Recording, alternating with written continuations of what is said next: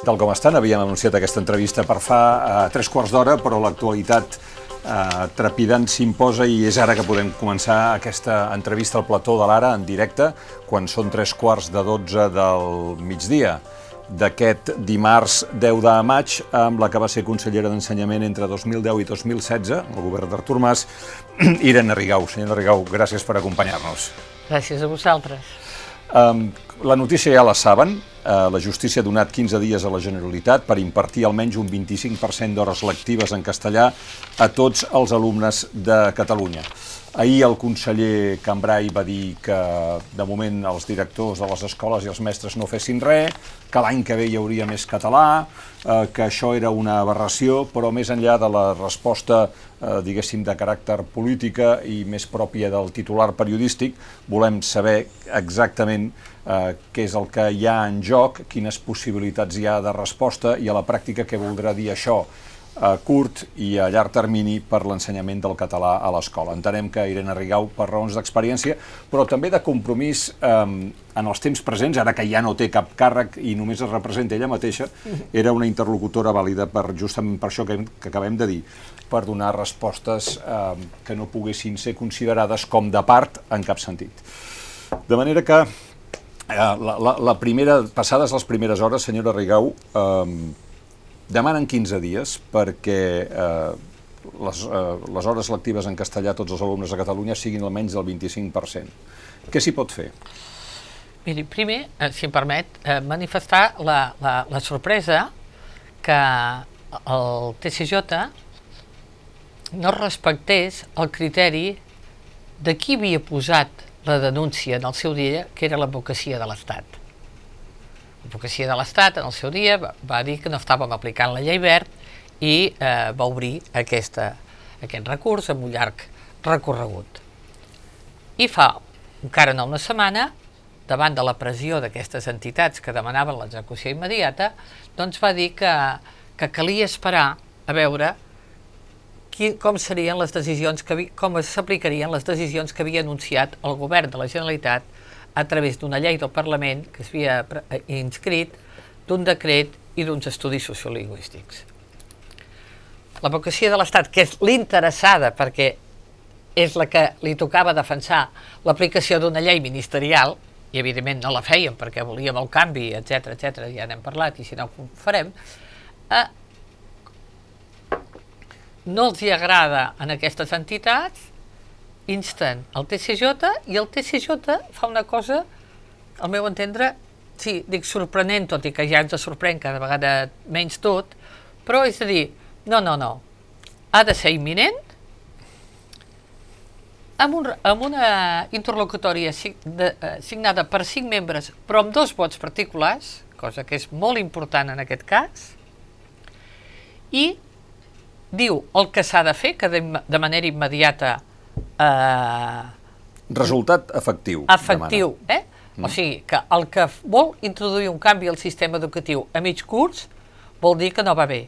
Però el que vol introduir un canvi un mes abans que acabi el curs vol dir que li està primant per sobre de tot la política partidista o la posició identitària lingüística espanyola, digui, digui com vulgui, per sobre de la realitat pedagògica. Val, el que passa que aquí tenim dos terrenys, hi ha la qüestió política i la qüestió jurídica i, i finalment la més important que és la qüestió pedagògica. La qüestió jurídico-política és que el govern, el govern de la Generalitat, semblava que tenia el compromís de la, del govern espanyol que l'advocacia de l'Estat respectaria aquest tempo. Perquè, com recordaran, una resposta a intenció, que no és nova, de forçar aquest 25% era una modificació de la llei de política lingüística on Irene Regau hi va estar involucrada. Uh, Ara, en efecte, com ella diu, una entitat que es diu Assemblea per una Escola Bilingüe eh, es presenta i, en efecte, el tribunal diu eh, que endavant, tot i que hi ha dos membres, perquè el tribunal formen cinc, n'hi ha dos que diuen, home, no es pot admetre qualsevol alumne com a part eh, legitimada. Però el cas és que aquí estem. Per tant, eh, la primera cosa que, que veig que remarca és eh, aquesta és una interlocutòria, una resolució judicial eh, absolutament connotada des del punt de vista ideològic, nacionalista, eh, més propi de, de partits eh, que han combatut el català posem com ara Ciutadans. Sí, jo crec que aquesta és, diguem-ne, la, la cirereta final del pastís que va intentar construir Ciutadans. Diu, ara hem guanyat. I abans no s'apliqui la llei CELA, intentem que s'apliqui les restes de la llei verd per poder dir que ho hem aconseguit. Però hi ha un segon punt en aquesta interlocutòria que jo volia també fer esment per demostrar aquest viatge que té, que és que encomana a l'alta inspecció el seguiment del compliment d'aquest mandat. Problema. A Catalunya, d'alts no. inspectors, crec que n'hi ha no, dos. és que encara que n'hi haguessin 100, l'alta inspecció és un òrgan que depèn directament del Ministeri d'Educació. És un òrgan que té atribuïdes les seves funcions segons com han evolucionat les lleis. A l'època de Convergència i Unió, quan es pactava una llei, es procurava que fos un paper molt concret. El PP, el Lleivert, va intentar reforçar aquest paper. La llei CELA, la llei PSOE pactada amb Esquerra, va reduir altra vegada aquest paper i ara tens l'article 149 de la LONLOE que diu què ha de fer l'alta inspecció. I realment amb dues persones en tenen prou pel que diu la llei que han de fer. Anda, si vol, després li explico però, què han de fer. Però com ho fan dues persones per controlar el que passa? A quantes no, escoles hi ha a Catalunya? Que, és que no han de controlar cap centre. És que l'alta inspecció no pot entrar als centres. L'alta inspecció ha de fer un informe periòdic eh, en el Ministeri per dir-li que a Catalunya s'estan impartint els títols que donen dret eh, a l'oficialitat, perquè els títols els dona l'Estat, el govern central, eh, dona l'Estat, i per tant que compleixes les condicions. Vol dir que la primària té sis cursos, que l'ESO en té quatre, que hi ha unes modalitats de batxillerat que són les que diuen les lleis orgàniques, que hi ha unes matèries, que s'imparteixen unes matèries que estan en els decrets curriculars oficials i que el 50% d'autonomia que té la Generalitat per completar el currículum no desvirtua el que ha declarat de caràcter bàsic l'Estat. Bueno, per fer això, agafes els decrets, els vas estudiant i periòdicament fas un informe suficient. Les persones que tenen és suficient. Ara, pretendre el control directe dels centres i pretendre un, un, un, que pot rebre instruccions del TCJ a l'alta inspecció, això el mateix Ministeri avui, amb veus autoritzades, eh, hi ha hagut un mitjà doncs, que, que, que ho ha dit, primer ha dit veus, diguem autoritzades del Ministeri. Encara no s'ha rebut la resolució i aviat farem arribar al tribunal un escrit amb allò que, pot fer, que es pot fer des del Ministeri. Val, com dient... Eh, mm, escolti, aquí mano jo. D'acord, eh? però eh, tingui o no tingui capacitat no, però efectiva... És molt, però és molt important que un tribunal no, no, i que això ho digui el Ministeri. Però és molt important... Que, no, no, no és que sigui important, és que un tribunal ha dit que això ha de ser així. Per això torno a la primera pregunta. Què s'hi pot fer? Doncs primer, procurar que el, que el Ministeri eh, també li, eh, li posi eh, el punt de la I. Què li correspon en el TCJ i què no li correspon. Segona, complir-ho. Complir-ho. O sigui, políticament, jo crec eh, que ara, si tingui, els sí, que tenen pes a Madrid, sí, sí. han de procurar que el Ministeri clarifiqui aquesta situació. Segona, hi ha qui diu, com que el 25% ja hi és a molts centres, doncs mira, anem a salvar el 75%. Aquesta és una corrent que jo, per mi, al meu entendre, ve d'aquesta flagellació automàtica que fem nosaltres en aquest país, que portem una frustració enorme arrel de, de l'1 d'octubre, i ja eh, no sabem, a vegades no valorem ni les coses que hem fet relativament bé, no? I per tant, podria haver-hi la tendència a dir, doncs mira, anem a complir-ho.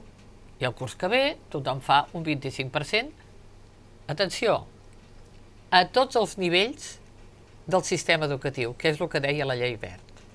Perquè aquí també tenim una qüestió de llengua. La llei verd utilitzava un article determinat i deia al sistema educatiu i a tots els nivells del sistema educatiu. En canvi, la llei CELA, la llei SOE, diguem-ne, diu s'ha de garantir l'ensenyament en castellà al sistema educatiu. Per tant, jo entenc que la, la Generalitat, el Parlament, té potestat per desenvolupar el mandat d'aquesta llei orgànica, independentment que hi estiguis d'acord o no amb la seva existència. Però ara ja hi és. Jo vaig ser crítica del seu moment, però ara hi és. I diguem, molt bé, tenim l'obligació de reconèixer que hi ha d'haver ensenyament impartit en castellà.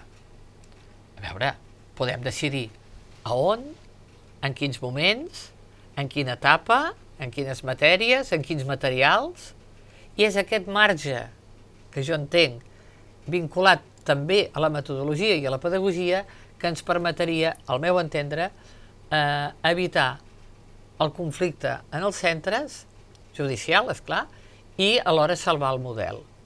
Fa pocs dies que alcaldesses ben significades de, del PSC han demanat que se salvi la a Santa Coloma i Hospitalet. Per tant, jo entenc que la interpretació aquesta que fèiem de dir eh, al sistema hi ha d'haver algun espai en què els continguts estiguin transmesos en castellà perquè també és llengua vehicular reconegut a la sentència de l'Estatut del 2010, perquè això coeja. Eh? Anem a veure, fer una assignatura? No, no, no, no, no pots fraccionar l'educació, al meu entendre. Podem utilitzar materials en castellà per transmetre coneixement? Si vostè busca els materials que consulten els alumnes a l'hora de fer els treballs, n'hi ha molts que són en castellà, per mi això computa. Uh, ho hem de fer des de P3? No. Allà on no hi hagi el domini oral del català, farem una disposició que digui que la metodologia, que no és una qüestió política, és metodològica, de la immersió s'aplicarà allà on no hi ha un domini oral per poder garantir el procés de la lectoescriptura en català i després pugin acadèmicament en català i després, quan siguin més gran, podran fer coses en altres llengües. Per tant, eh, al meu entendre, d'aquestes solucions de d'encaixar-ho i complir a desobeir, que diuen. Però a veure, la desobediència en una professió com es fa? Eh, la fa tot el centre, la fa només un professor, la fa el director, la fiscalia inhabilitarà el director, bueno, els jutges, inhabilitaran els professors, hem de posar en aquesta atenció als nostres centres, quan en aquests moments per qüestions polítiques a nivell de Parlament que han sigut molt importants no s'ha desobeït en els tribunals, ara farem que desobeeixi un mestre? Què és això? Enfrontarem pares amb pares? Busquem una solució que ens permeti que quan siguem més forts, si cal, la puguem revertir. La solució que pot arribar a mig i llarg termini, però ara immediatament, d'aquí a final de curs, si vostè fos consellera, quina instrucció donaria als directors i als mestres? Jo d'entrada, fer el que ha dit el conseller, fer un recurs. Eh? Fer un recurs. I jo estaria a favor de que el Parlament, via ràpida, que és la proposició de llei, que no és un projecte de llei, aprovés una llei que digués... Per, permeti'm. Per tant, d'aquí a fi, per, com que el recurs s'hauria de presentar, crec que hi ha temps fins dilluns de la setmana que ve, i després sí. hi ha d'haver la resposta Posta. del tribunal, ja gairebé som a Sant Joan, ja estem a final de curs. Per tant, trampejar com sigui possible aquest final no, de curs. No trampejar, recorro, recorro. Sí. I no alterar la normalitat dels centres fins ara. I tenir aprovada una llei de política lingüística per quan comenci el curs? Evident. D'acord. Aquesta llei de política lingüística, que és aquella cèlebre llei que van aparèixer els quatre portaveus eh, de cultura al Parlament ensenyant que s'havien posat d'acord i que després junts es va desdir, eh, la intenció era reconeixem que el castellà és una llengua d'aprenentatge, però així evitem que siguin els jutges els que diguin com s'ha d'ensenyar a les escoles catalanes. Dient que anem a fer aquesta llei, li, li diem al tribunal que, que s'esperi però ja he vist que no ha funcionat. Bueno, eh, eh, ho veurem. Eh, Home, mm, sí, ahir ja va instar el 25%. D'acord, d'acord, d'acord. Però hi ha un moment que diu ara per ara. Eh? Perquè aquí, eh, ja ho trobarem. Aquí, aquí, eh, aquí... Es refereix a la, a la, a la interlocutòria d'ahir, aquesta que està farcida de... A l'interlocutòria de faltes. De faltes, sí. Eh? Eh, a veure, evidentment, el respecte per la llengua, les sentències que es fan en català, tot plegat ens fa eh, tenir una actitud molt crítica que no és el tema ara. Vostè diu, què faria? Què, què es pot fer? Una llei que vingui del govern té un tràmit no inferior a un any. Un decret que vingui del govern no té un tràmit inferior a 10 mesos. Per tant, en aquests 10 mesos tens que el curs vinent hauries de donar compliment en aquest mandat de, del TCJ. Per què n'hi va haver que van proposar una via ràpida per evitar l'execució forçosa? Ara, digui, ara hi haurà molta gent que dirà home, és una exagerada o no sé què, no sé, segurament. Eh, tothom ho pot valorar.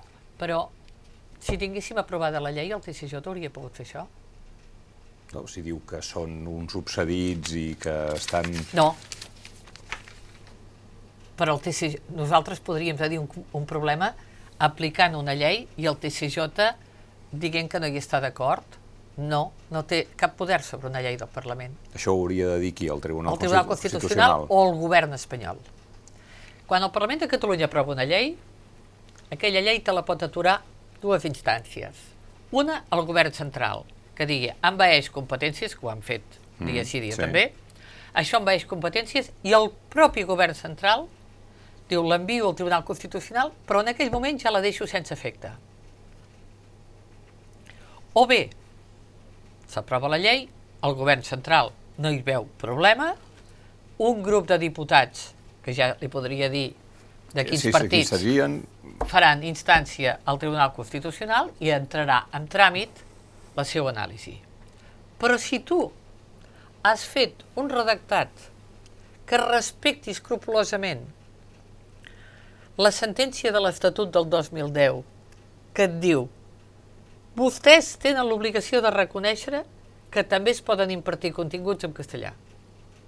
Això és la, la, el moll de l'os.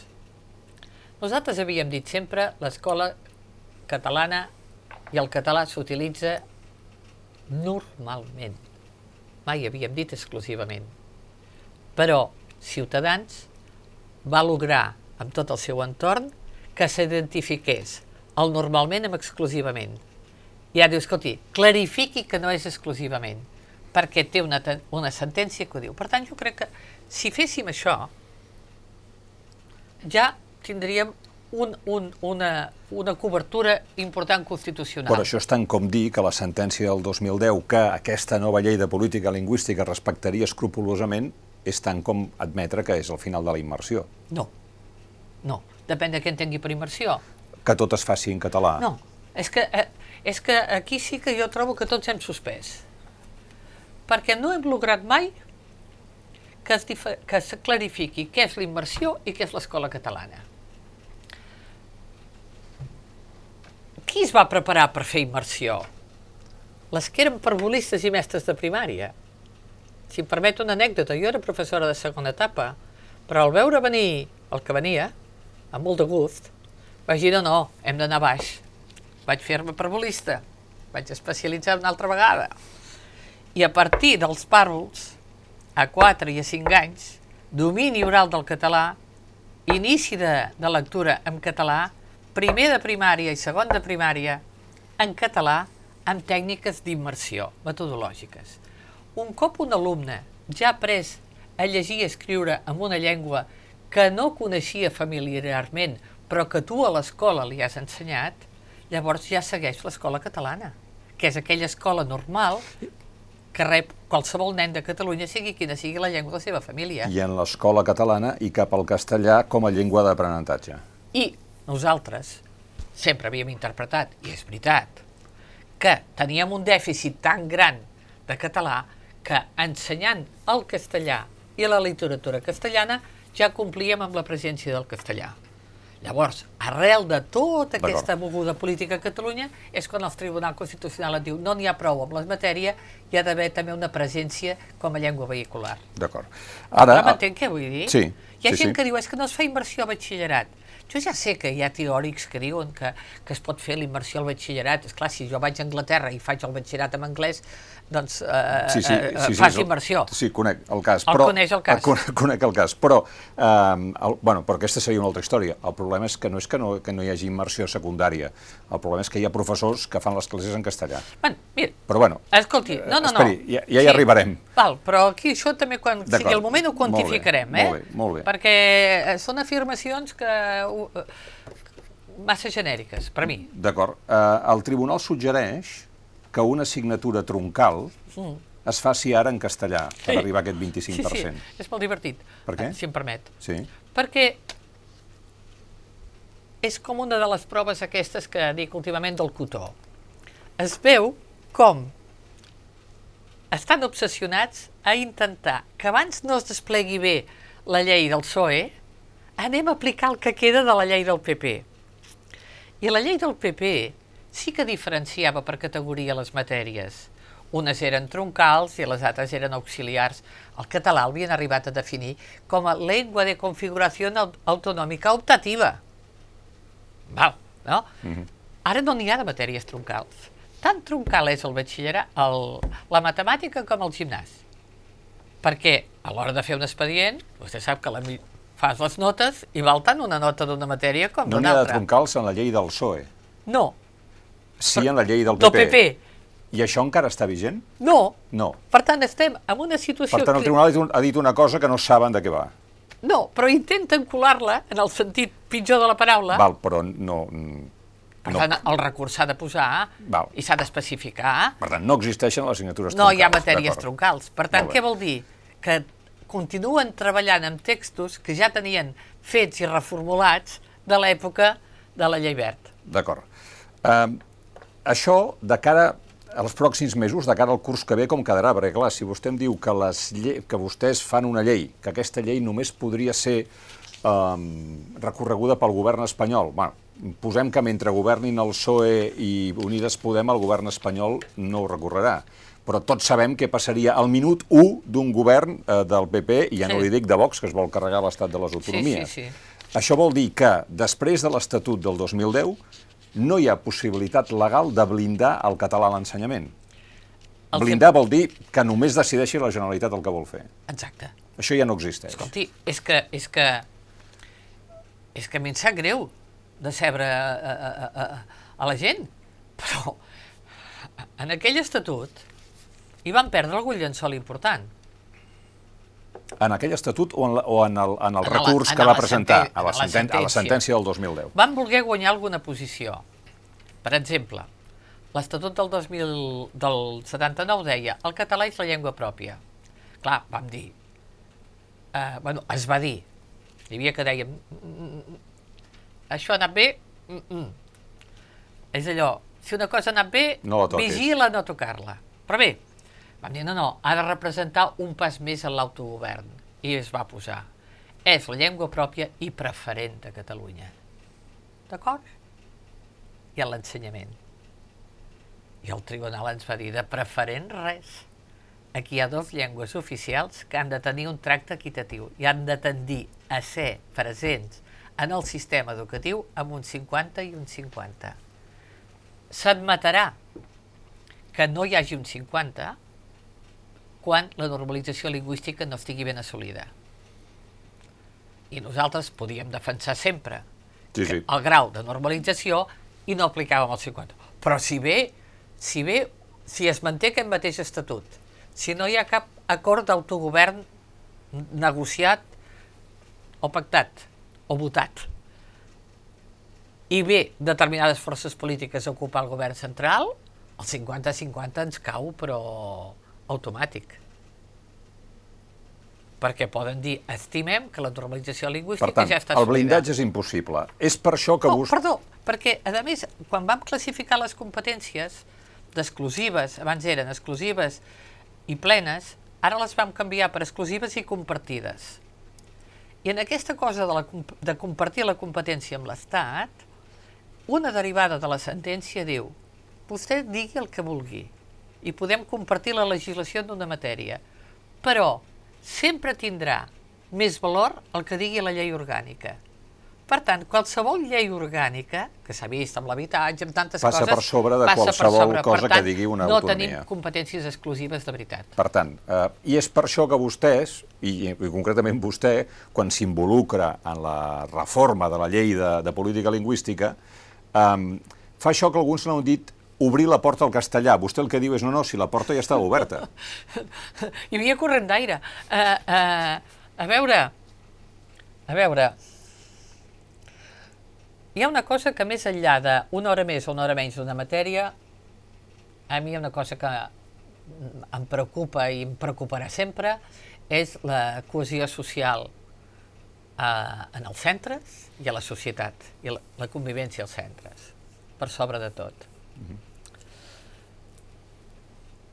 Quan van començar els pares promoguts per determinades figures molt vinculades al món, hem dit de ciutadans per entendre'ns, però que afecta PP, Societat Civil Catalana, etc, que curiosament tots eren castellanoparlants els que demanaven més castellà. En principi haurien hagut de demanar, si fos un tema d'aprenentatge, el lògic és que ho haguessin demanat els catalanoparlants. Però no, no, curiosament, per què? Perquè no suportaven la, el relleu del català a l'hora de, de dir els meus fills no seran cultes perquè no diran tall o diran tija al parlar d'una planta. Sense saber que això al final s'equilibra perfectament. Sí. Però bé, llavors, quan va començar a aparèixer aquesta petició de que en un centre es fes el 25%, derivat de la sentència de l'Estatut, que nosaltres no regulàvem perquè encara preferíem, intentàvem canviar la llei verd, perquè la vam recórrer, recordis, i permeti'm el parèntesi, que en Verd va intentar introduir un concepte que Ciutadans havia treballat molt, i ell volia donar-hi resposta política, de que els pares tenien dret a triar la llengua. Correcte. I això ha costat, si em permet, Déu i ajut, jo sé que vostè no l'escandalitzaré, però si dic Déu i ajut, però ens va costar Déu i ajut tenir sentències que diguessin que els pares no tenien dret a triar la llengua.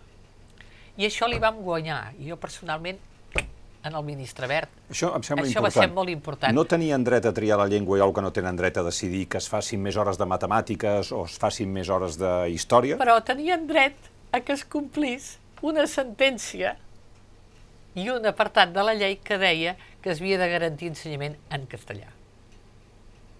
D'acord? No podien triar la llengua. Ei, van intentar-ho, recordis Sí, els sí, 6.000 sí. euros per sí, persona. Sí, per persona, eh? sí, sí. Que els hi donarien 6.000 Ah, euros. En Verd sí. deia, uh, Irene, uh, bueno, Irene, uh, heu de canviar el model, heu d'anar al model basc, allò en el tu a tu. Jo, ministre, què pretens? No, és que l'independent... l'escola catalana ha creat l'independentisme. Escolta, Va, d'acord, sí. D'acord, ja No, està.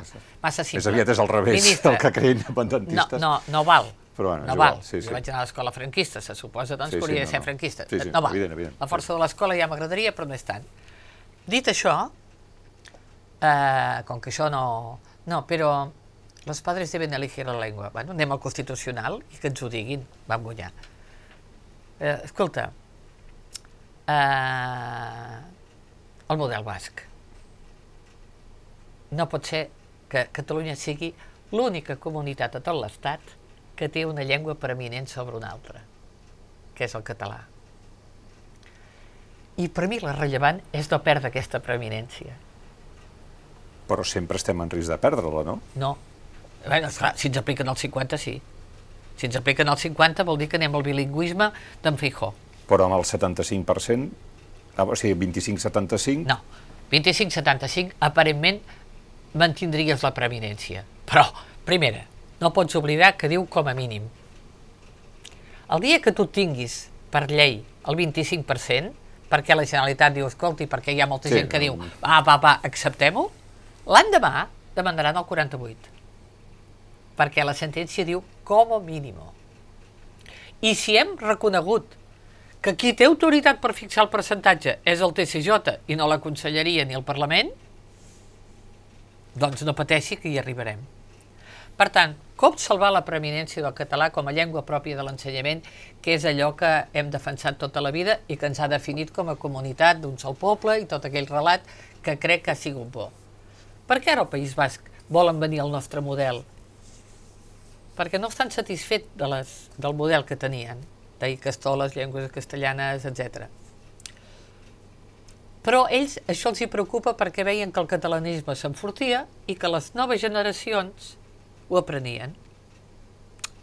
Amb, amb escletxes, però el dia que van veure que els immigrants també aprenien el català, quan jo li vaig explicar al ministre que els gamians de Banyoles parlaven amb el mateix accent que quan jo era petita, és que no podia ser, no? O sigui, confiaven que la immigració ens eh, diluiria molt I és veritat que té un impacte molt gran, sobretot si són, que, eh, són de determinades àrees. Però com tallar la preeminència del català? Doncs o bé exigint el 50-50, via legal, però això, via legislativa, que això va vinculat eh, als equilibris de poder que es tenen, o bé canviant el model. I ells volen que Catalunya canvi el model. Per tant, gent... vostè creu que és un error que hi hagi gent aquí que digui que s'ha de canviar el model i hem d'anar a l'escola basca? Per mi sí, per mi sí, per mi sí. Per jo, què? Home, perquè ja sé que hi hauria molta comoditat de que... Sí, qui vulgui anar en castellà, en castellà, qui vulgui anar en català, sí, en català. Sí, miri, a veure, mmm, quan fas una mirada arreu i mires com ho fan els estats que tenen en un mateix territori dos llengües oficials, és quan et dones compte que a Catalunya hem fet una cosa ben feta. Amb escletxes, perquè ja sap que aquest país, si no reconeixem els defectes, no som feliços. Però Bueno, i perquè a la vida no hi ha coses perfectes, I no senyora Rigau. Evidentment. Tampoc no cal... No, no, és que, que, que si no són perfectes les persones, no, hi ha les, coses les que no nostres són obres perfectes. tampoc no ho són. No poden ser-ho, és una evidència. Però, però, anem a veure, Bèlgica. Dos comunitats lingüístiques diferenciades, dos xarxes eh, escolars diferenciades. No hi ha problema, no es parlen. Són dues realitats. Brussel·les és bilingüe. Doncs a Brussel·les mateix, dos línies. No hi ha problema. On podríem parlar de més països, eh? eh? Suïssa no cal dir. A cada cantó, etc. Però hi va haver una visita a Estònia que jo acompanyava el Mas, que encara no era president, per això dic l'Artur Mas, i no dic, o, que havíem anat a Finlàndia, com tot el peregrinatge educatiu, com tothom, i havíem anat a Estònia. I allà l'ambaixador espanyol ens va dir, tot parlant, i crec que ho puc explicar, aquí hi ha molt d'interès en conèixer el model educatiu a Catalunya, perquè quan vam ser independents, per tenir els russos contents, Estònia, com Lituània, es va, però jo puc parlar d'Estònia perquè la conversa va anar d'aquí. Van dir, com ho podem fer perquè els russos se sentin còmodes en el nou estat? I una de les qüestions que va aparèixer era si l'escola la, la feien tota en estonià o mantenien una part en, en, en, en rus. En un moment d'eufòria de hem guanyat, van voler ser generosos, diguem-ne, i van fer la línia russa i, I la línia estoniana. Ni es parlen, ni els professors es coneixen, ni tenen els mateixos currículums, i ens deia, hi ha moltes baralles juvenils. Entre els que parlen, un, els que van a classe en un idioma i els que van a una escola d'un altre. En determinats eh, entorns. Per tant, hi ha molts, hi ha molts anàlisis de, de, de, de models d'altres països que ens fan veure que haver optat perquè el català sigui l'eix de gravetat, que això sí que la sentència ho reconeix, mm. que el català és l'eix de gravetat del sistema i per tant no el podem perdre, demanar ara que sigui exclusivament en català, quan a més mai cap llei ho ha dit, és una provocació que porta directament a, a, a, a, al trencar el model, per mi. Ja, el problema és que nosaltres hem, al diari fa no gaires dies fèiem un reportatge amb, amb alumnes i amb, amb persones immigrants que diuen que estan tipes de demanar que els hi parlin en català eh, i, que, i de professors que senten alumnes que els hi diuen escolta, si a fora tothom parla en castellà, per què estic aprenent el català? Clar. O sigui, que, la, que el català no té continuïtat a fora. Clar, clar. Aquest, és, o sigui, aquest és el... Ja, ja entenc que això és de fora de l'escola, que Clar. no és de l'escola. Aquí... Però, eh, i pivota sobre sí. el sentit d'utilitat i de sí, sentit que sí, té ensenyar sí, en català. Sí, exacte. Però aquí ha d'haver-hi una cosa clara. Volem hem passat moltes èpoques difícils sí, eh, per sí. mantenir la llengua, no és una sí, cosa sí. de fa dos dies, això, no, eh? No, no. La història ens demostra que hem sigut capaços de, de preservar-la no, escolti, sempre, jo sempre dic que és una, és una victòria de la cultura i una victòria de la llibertat. Doncs bé, ben definida i m'hi apunto. Hem d'admetre hem d'admetre que amb tot aquest enrenou polític de si el castellà hi havia de ser o no, que hi havia professors que ho comparteixen, eh? És que, és clar, eh, a veure, mm, eh, quan jo vaig a, a, a ser jutjada, jo vaig tenir dos persones, dos, dos inspectors militants de Ciutadans que van venir a declarar contra la seva consellera. Un d'ells era amic, eh, havia sigut amic meu, col·laborador, vaja. Vull dir-te, la realitat és la que és, eh? O, eh, eh no tothom balla sardanes aquest país, eh? Vull dir, veure, és la que és, i l'has d'admetre, i no per això els hi, els hi ha girat la, la, la cara. Discrepo i ja està.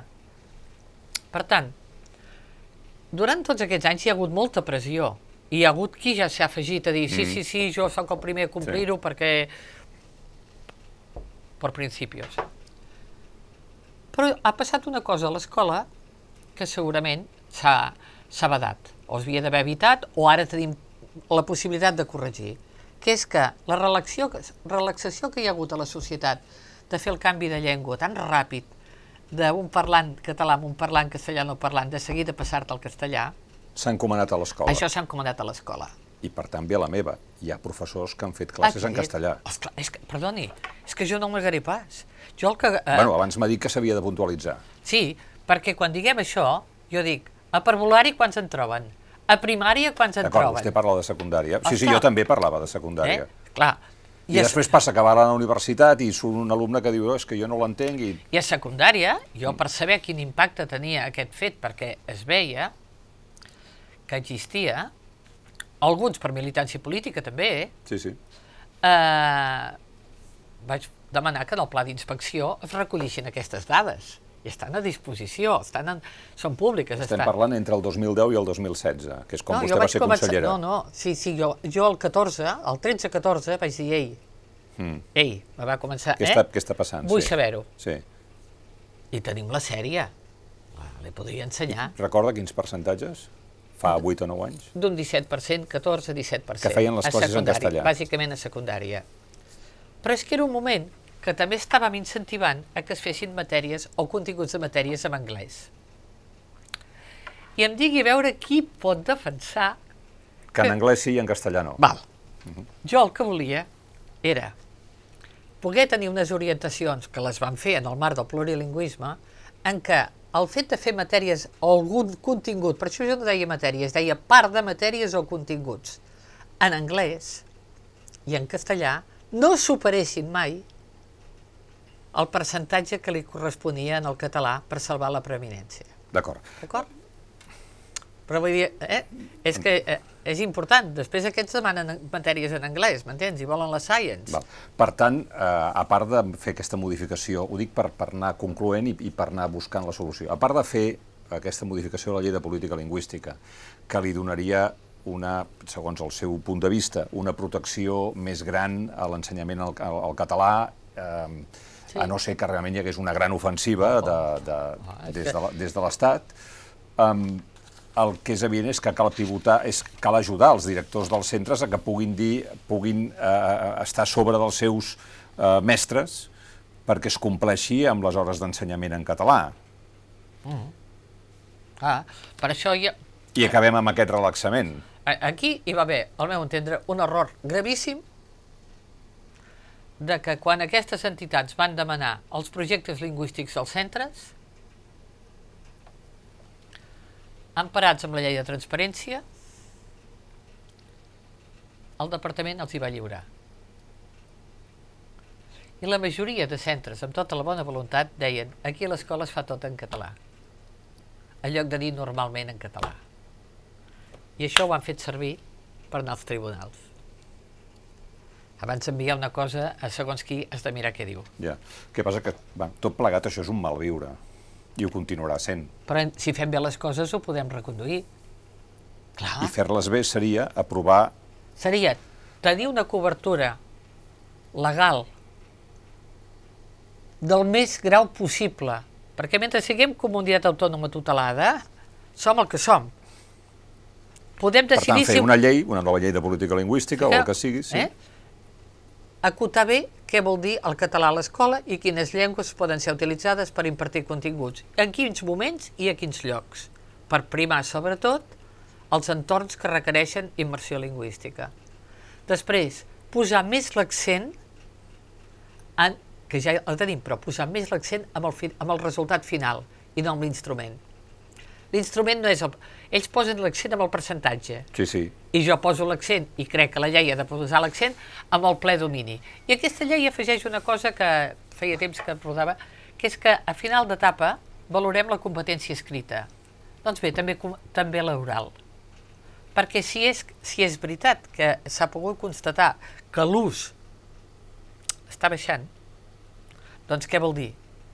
Que també hem de valorar el domini oral d'una llengua a l'hora de tenir el graduat escolar. I això on t'ho posaria? A la llei. A la llei aquesta de política sí, lingüística. i faria que les proves d'avaluació d'ESO de, de, hi hagués inclosa la prova de domini oral.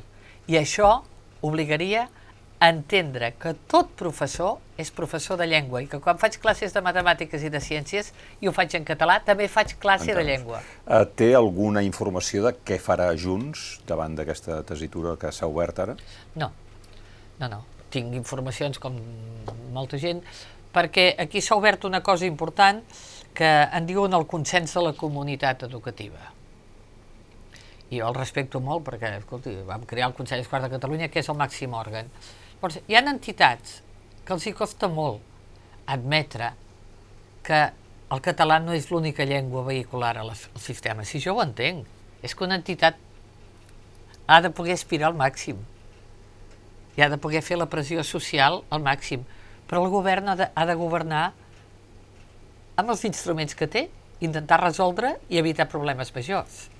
Per tant, vincular la decisió de determinats grups a l'aprovació de determinades entitats em sembla eh, preocupant, perquè és clar, miri, qui demana ja una llei? I ho ha demanat per, amb documents.